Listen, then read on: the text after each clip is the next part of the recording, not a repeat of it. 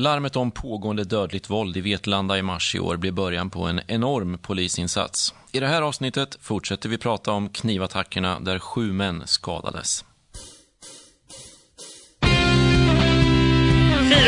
går ut på Order Öst med prioanrop. Polispodden Öst har spelat in ett nytt avsnitt. Önskar er en trevlig lyssning. Klart slut från 4-0.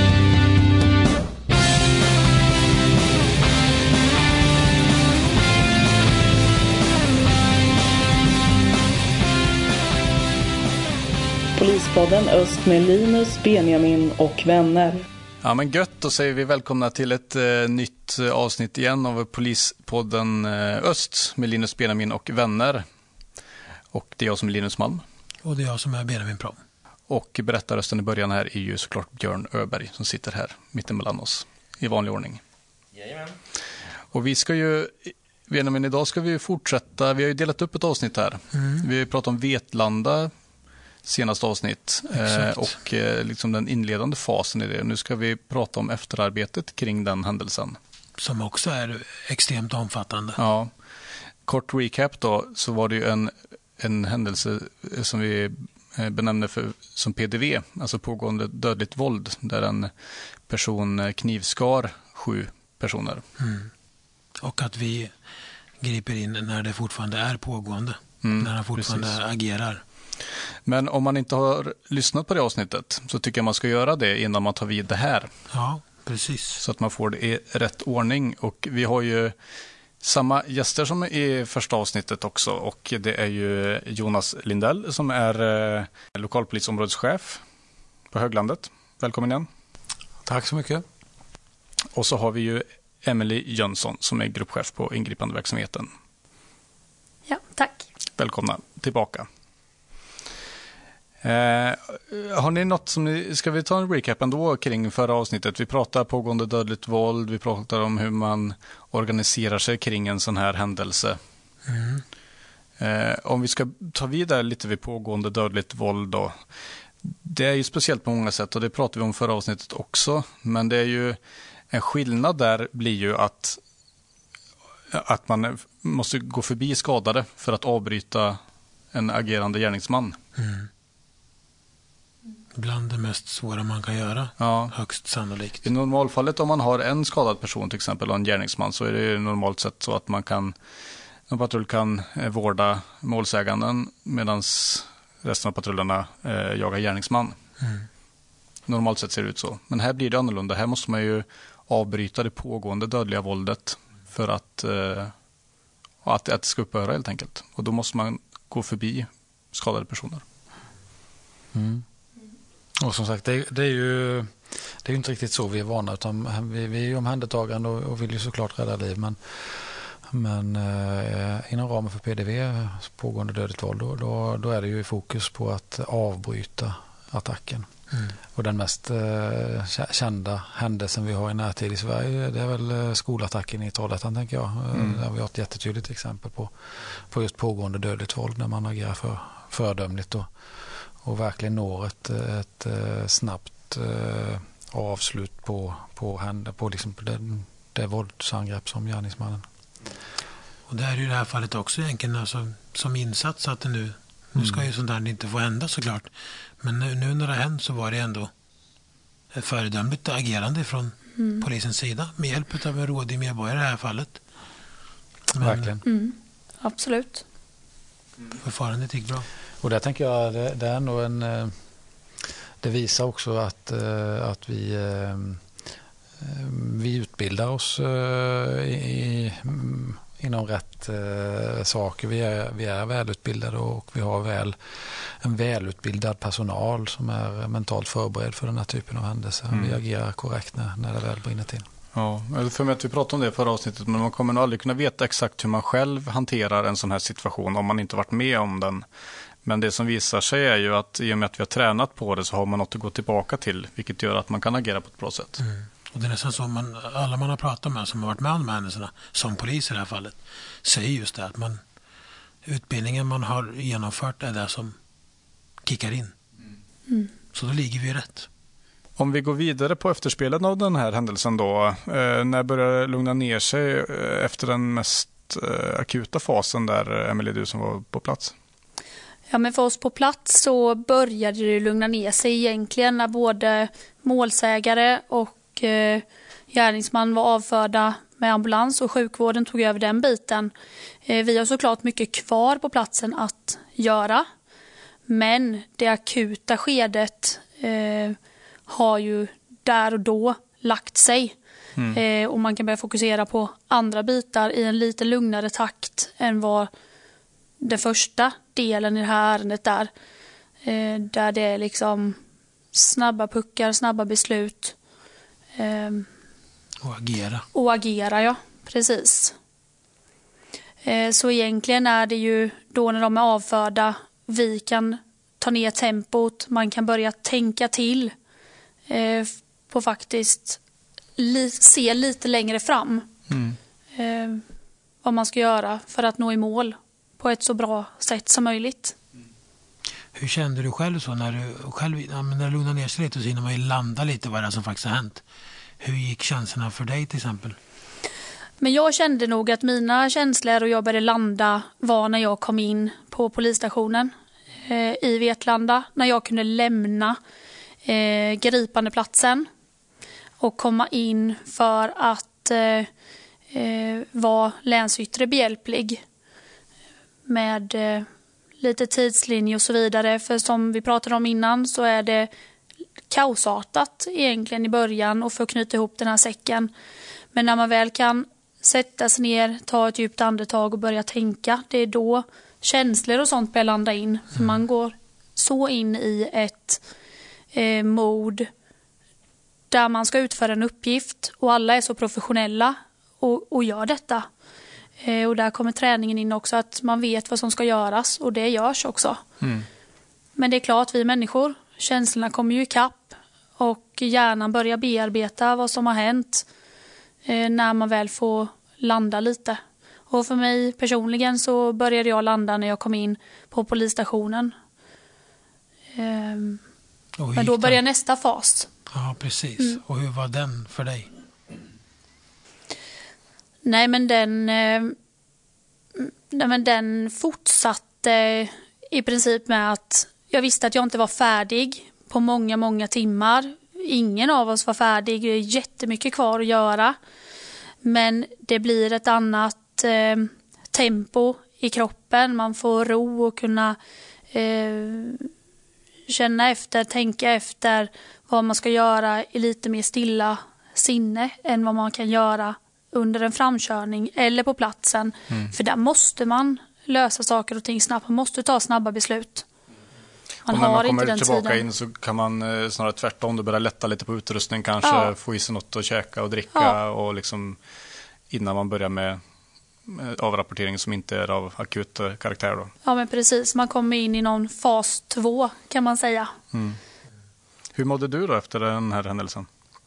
Eh, nej men jag, jag har mått bra med tanke på omständigheterna. Det är självklart att en sån här händelse kommer alltid finnas kvar och det är en extrem händelse och det påverkar mig och det påverkar eh, mina kollegor på ett eller annat sätt. Det vore konstigt annars.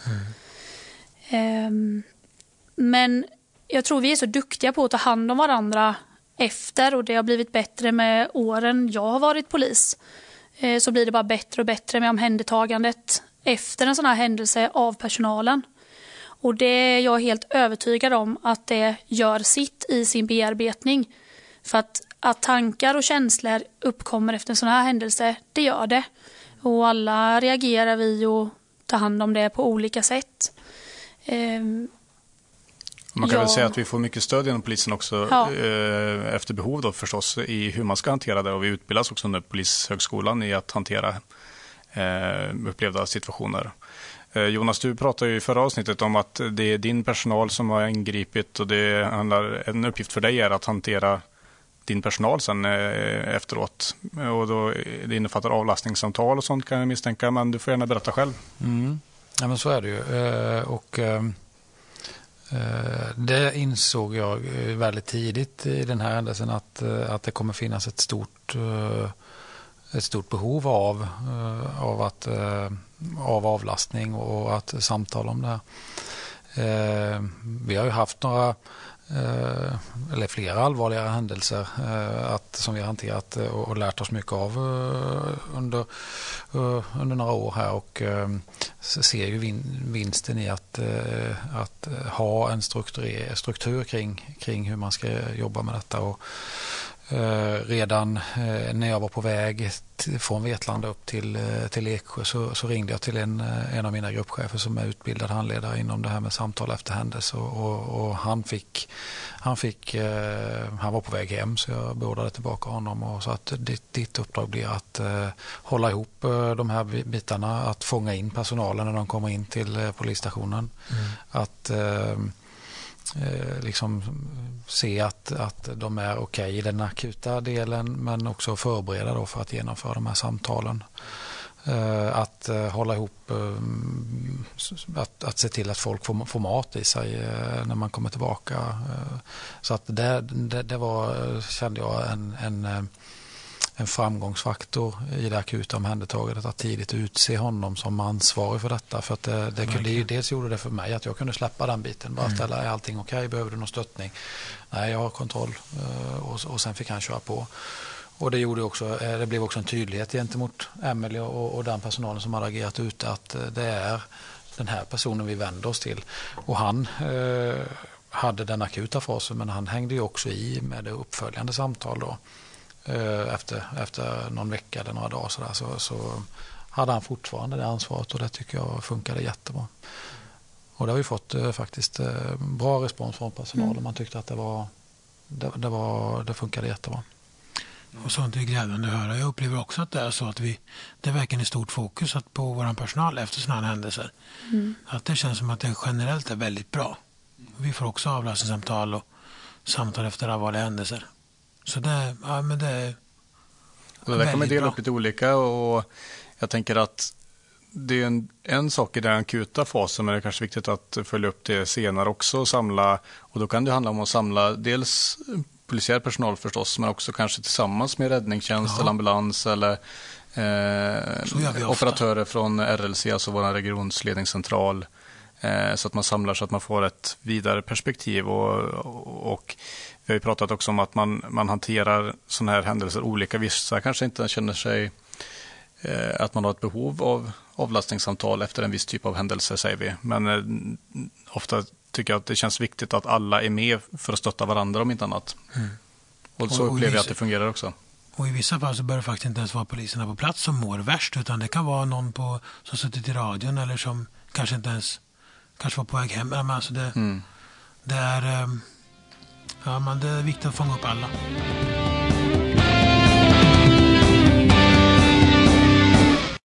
Jag tänkte lite på polismannen eller polisen som sköt gärningsmannen. Hur mår han idag? Är han kvar i yttre tjänst? Och... Han är kvar i yttre tjänst.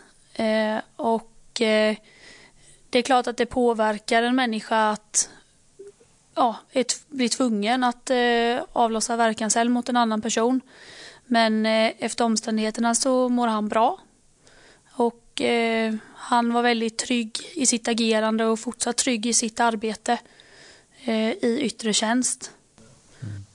Och, han eh, eh, han hade ju processat eh, att, att det här skulle kunna vara en en utgång som, som han blev nödgad till under framkörningstiden. Och han, han uttrycker liksom att han har känt sig helt trygg i att, att han har eh, liksom, vilken lagstiftning han, han grundar sitt agerande på. Och så här, och det, det har aldrig funnits några tveksamheter hos honom kring att, att det var ett korrekt eh, agerande från hans sida. Och det visade ju också den, den efterföljande utredningen. För det är ju rutin att mm.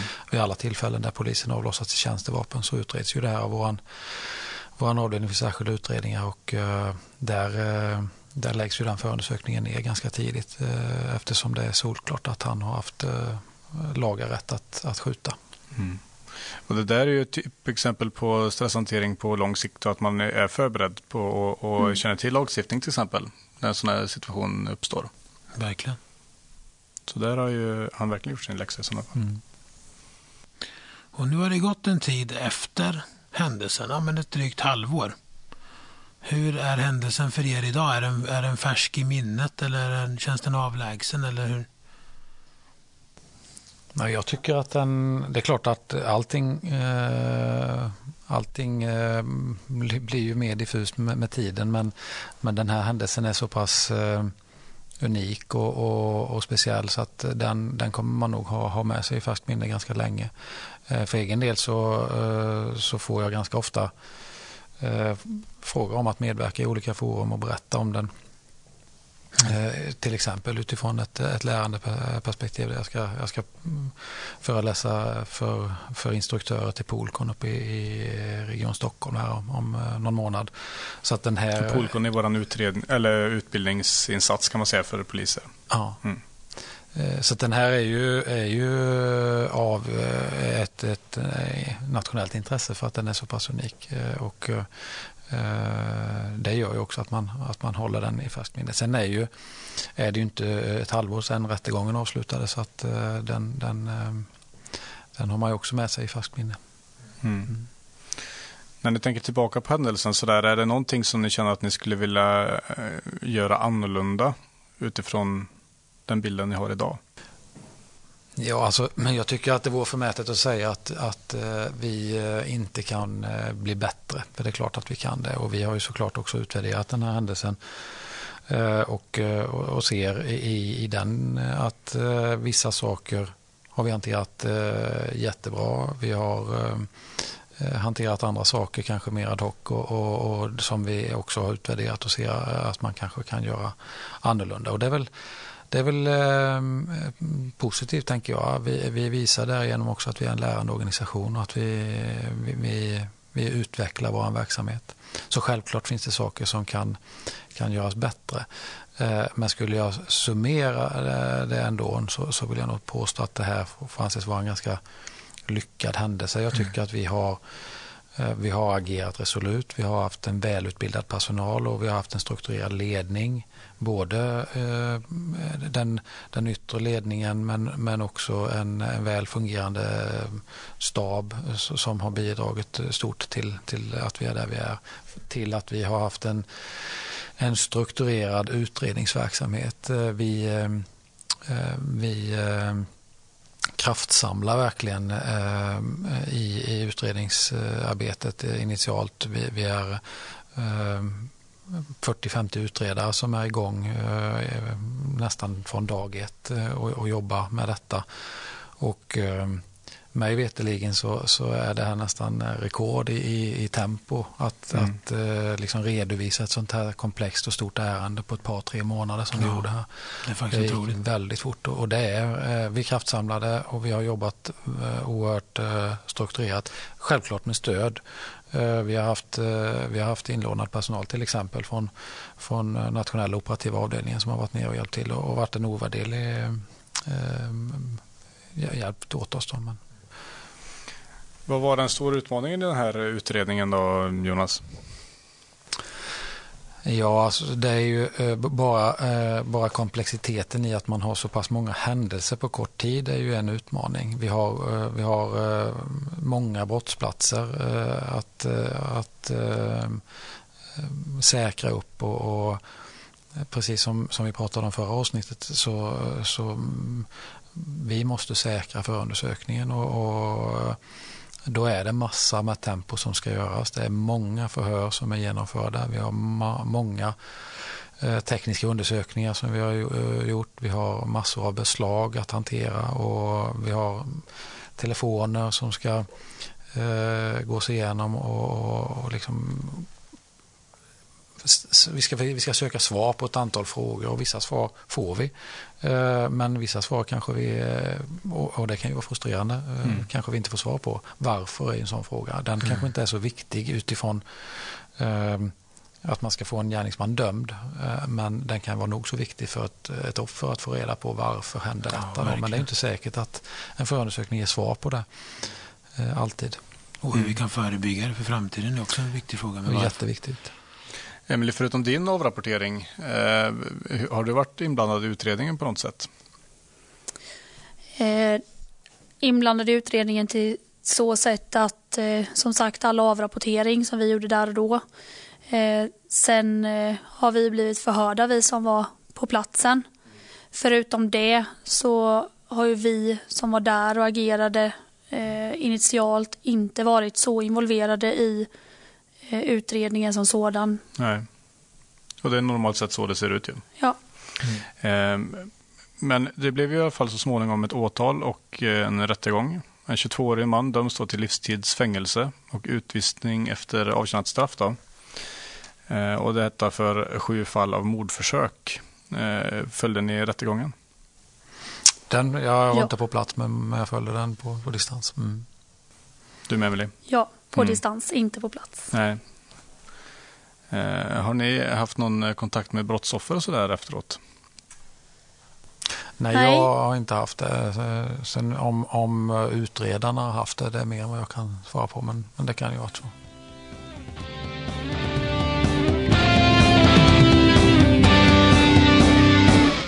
Det här utreddes ju som terroristbrott mm. och vid rättegång så dömdes den här 22-åriga mannen till livstidsfängelse. Men det blev, det blev inte för ter terrorbrott i det här fallet. Kan ni berätta mer om det? Eh, han åtalades inte heller för eh, terrorbrott utan han åtalades för sju fall av eh, försök till mord. Eh, utan mm, rubriceringen eh, eh, ändrades ganska tidigt tillbaka till försök till mord när man, när man inte riktigt såg att, att motivbilden nådde upp till att det skulle vara terroristbrott. Så att även om Även om utredningen har, har så att säga, omfamnat det alternativet under resans gång så har man ju haft rubriceringen som försök till mord och det är också det som man åtalas för. Då. Eh, jag tycker att eh, det är en i allra högsta grad relevant påföljd han, han får för det här mm. oerhört allvarliga brottet. Då. Verkligen. Mm. Och den här händelsen då, sett till Vetlanda och medborgarna där, har det satt några spår i Vetlandaborna eller hur, hur ser det ut idag? Jo, men det, fråga, det, det, tycker jag nog att det har gjort äh, ändå. Alltså det här är, det här är den händelse som, som har en så stor uppmärksamhet. Det är en händelse som inträffar eh, mitt på dagen eh, i centrumkärnan där, där folk rör sig dagligdags. Det är klart att, att det påverkar hur människor känner och, och, och vilken trygghet man, man har. Eh, vi eh, påbörjade ett, eh, ett trygghetsskapande arbete direkt ehm, samma kväll som, som eh, eh, det här inträffade eh, och stötte upp med, eh, med uniformerad personal. Vi hade ganska mycket eh, poliser i tjänst eh, som var på plats i Vetlanda. Vi, vi lånade in personal från andra regioner för som var och hjälpte oss med det trygghetsskapande arbetet. Där vi bara var runt och, och fotpatrullerade centrala Vetlanda, eh, pratade med, med, med allmänheten, svarade på frågor och så vidare. Och det, det var ju uppskattat såklart och, och när man pratar med gemene man, jag har varit ute och fotpatrullerat själv där nere, så, så förstår ju alla att det här, eh, det här eh, Vetlanda är inte en mer otrygg plats eh, än innan. Eller det, det, är en trygg plats, den är lika trygg ska jag säga mm. som, den var tidigare. Vetlanda har sett till sin storlek inte någon överrepresentation på, på våldsbrott eller annan typ av brottslighet utan Vetlanda är en trygg plats men, men eh, tyvärr så inträffade det här just Vetlanda vid det här tillfället. Och det är ju, det är ju en ensamagerande gärningsman mm. och det är den personens fel i det här fallet. Precis. Det är ju lite slumpartat också kan mm. man ändå säga att man att en person gör det här på just den platsen. Men kan vi ändå, vad, vad, säger ni? Det här är också en ganska svår fråga, men hur kan man skydda sig från det här, tycker vi, i framtiden? Det är ju nästan en politisk fråga. Mm.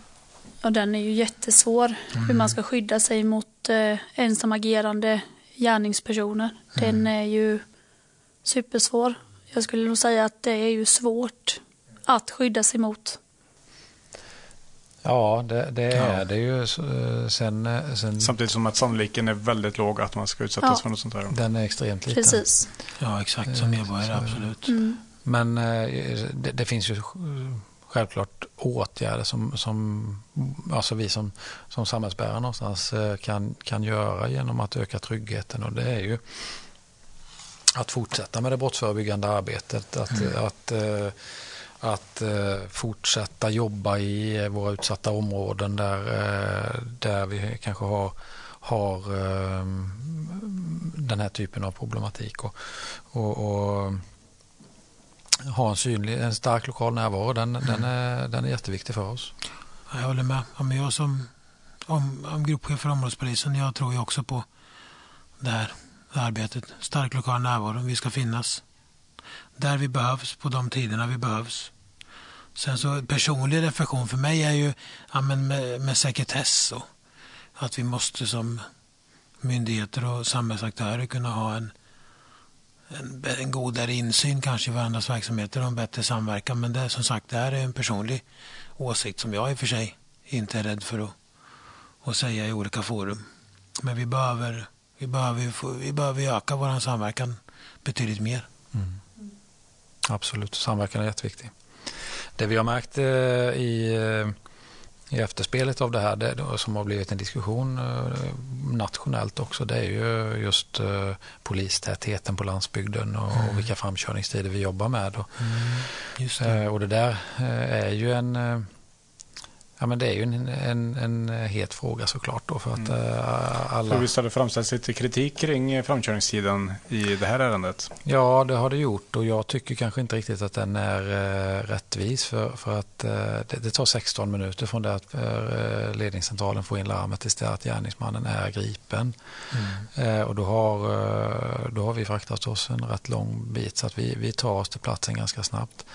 Och då säger man att ja, man hade, hade den här patrullen befunnit sig i Vetlanda så hade det ju varit en kortare framkörningstid. Absolut, så hade det varit. Men, men vi vill ju inte ha en, en, en polis eh, som sitter på stationen. Utan vi vill ju ha poliser som är ute och rullar. Så den patrullen hade lika gärna kunnat vara i Kvillsfors tre mil, i Vetlanda kommun, tre mil söder om Vetlanda och haft en mm. framkörningstid därifrån. Mm. Eller man Absolut. hade kunnat vara i Myresjö eller någon annanstans i Vetlanda kommun. Mm. Vi får alltid jobba med en framkörningstid. Eh, och eh, som, som höglandets geografi ser ut så, så är det ett stort geografiskt område. Vi kommer aldrig kunna vara eh, Ja, det är klart någon gång kanske vi är på plats där mm. någonting händer men det, det är sannolikheten för att vi inte är det är betydligt större. Ja. Eh, så att det tycker jag man behöver eh, eh, ha förståelse för. Eh, vi har en, en polistäthet eller polisnärvaro i Vetlanda precis som vi har på alla andra eh, kommuner i höglandet och jag vet att det ser likadant ut i regionen. Mm. Eh, men som sagt, det är, det är stora ytor och vi kommer få jobba med framkörningstider. Och där perspektivet på framkörningstider är ju olika i olika delar av landet också. Om man ser längre norrut i vårt land så kan det vara betydligt längre framkörningstider där. Absolut. Absolut. Och sen men, drar, man, drar man det här riktigt långt så handlar det om att visst, polisen, vi, vi, vill, vi, vi äskar om att, att få mer resurser. Vi vill ju bli flera. Men det här är en samhällsfråga också där kanske inte bara polisen behöver rustas upp utan vi behöver allt ifrån skolpersonal till vårdpersonal till integrationsfrågor till allt möjligt som, behöver, som vi behöver bli bättre på. Mm. Så att det blir ganska så lätt tycker jag att peka på polisen att vi bör vara där men det är många i samhället som bör finnas på sina sätt också. Så är det.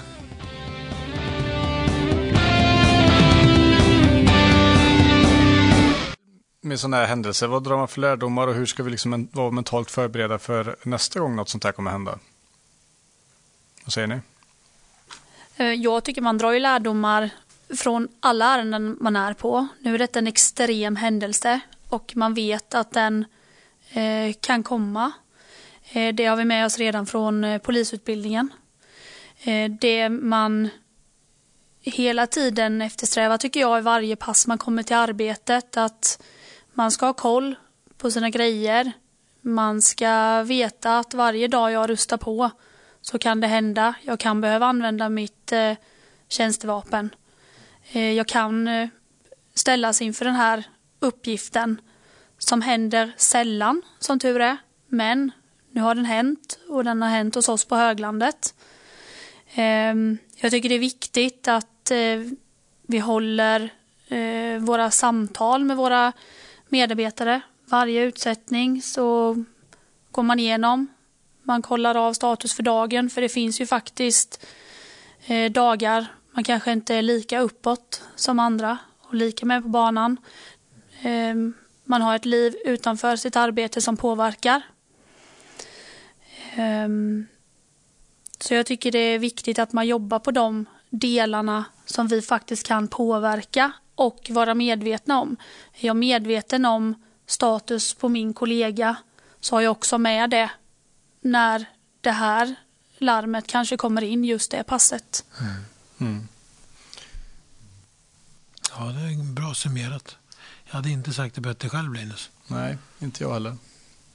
Det är ett eh, komplext yrke vi har. Ja, men det är speciellt just det här att förbereda sig för den uppgift som kan bli att eh, man som person ska springa in i någonting som alla andra springer ifrån. Mm. Det är väldigt speciellt. Och det behöver inte vara ett sånt här extremt ärende utan Nej. det kan vara vi behöver vara på tå alltid. Även klockan 04.00 en, en, en natt mm. i januari. Det är en utmaning i sig. Verkligen. Och det är därför man ska bli polis. För det är ett fantastiskt yrke på samma, på sam, samma gång. Mm. Precis. Jonas, du som lokalpolisområdeschef tar ju emot nya kollegor som har gått polisskolan och eh, genomfört sin aspirant hos er. Vad, vad är dina medskick till, till nya kollegor som kommer? Eh, jo, men det är ju bland annat det här, precis som, eh, som eh, Emelie pratade om. Alltså, polisyrket är ett erfarenhetsyrke. Ju, ju längre man har varit polis, desto bättre polis är man generellt sett. För att man får med sig händelser som man liksom plockar upp och, och, och använder i, i, som erfarenhet i olika typer av agerande. Sen är inget ärende det andra likt. Alla ärenden är unika, så det måste man ha med sig. Men, men det är ett erfarenhetsyrke. Men eh, när, när, man gör någonting varje dag så är det också lätt att, att det blir lite slentrian av det och det är jättefarligt att man, eh, att man låter det gå slentrian. Utan det, man måste ha en mental förberedelse på att, att idag kan det värsta hända. Mm. Eh, Eh, jag brukar säga eh, många saker till, till de här nya poliserna när de kommer men, men, eh, men det är ett medskick. Ett annat är att det farligaste som, som vi gör som poliser det är ju faktiskt när vi vistas ute i trafiken, när vi mm. åker polisbil. Mm. Det är inte att mötas av våld utan det är, det är faktiskt trafiken som är det farligaste och att man faktiskt tänker på det. det är, vi ska komma hem till våra familjer efter passet det är jätteviktigt. Då tackar vi så jättemycket Jonas och Emily för att ni tog er tid att delta i de här två avsnitten av Polispodden Öst. Tack för tack. att vi fick komma. Tusen tack. Ja, Benjamin. Ja. Vetlanda. Ja, en extrem händelse. Det var mycket intressant. Mm. Intressanta avsnitt. Ja, tycker jag också. Ibland, det, glömmer, man, ibland glömmer man nästan man, man blir nästan så här, man, man får lite klumpkänsla bara av att prata om och tänka sig in i och få de här larmen. Det är ju speciellt alltså. Mm. Ja, verkligen. Man tänker mycket. Mm. Och vi ska podda vidare va? Det ska vi absolut. Eh, men vi tackar så mycket för oss då. Och eh, vill man följa oss på sociala medier så finns vi på Instagram, Polispodden Ost. Yes. Och eh, vill man ta kontakt med oss, eh, ge oss lite cred så skickar man till polispodden.ost polisen.se och eh, vill man ge någon kritik så märk ditt eh, mejl med Benjamin så vidarebefordrar det till. Så tar jag det. Men annars tackar vi för oss va? Så hörs vi vid nästa avsnitt. Tack för idag. Ha det jobbat Linus. Hej då.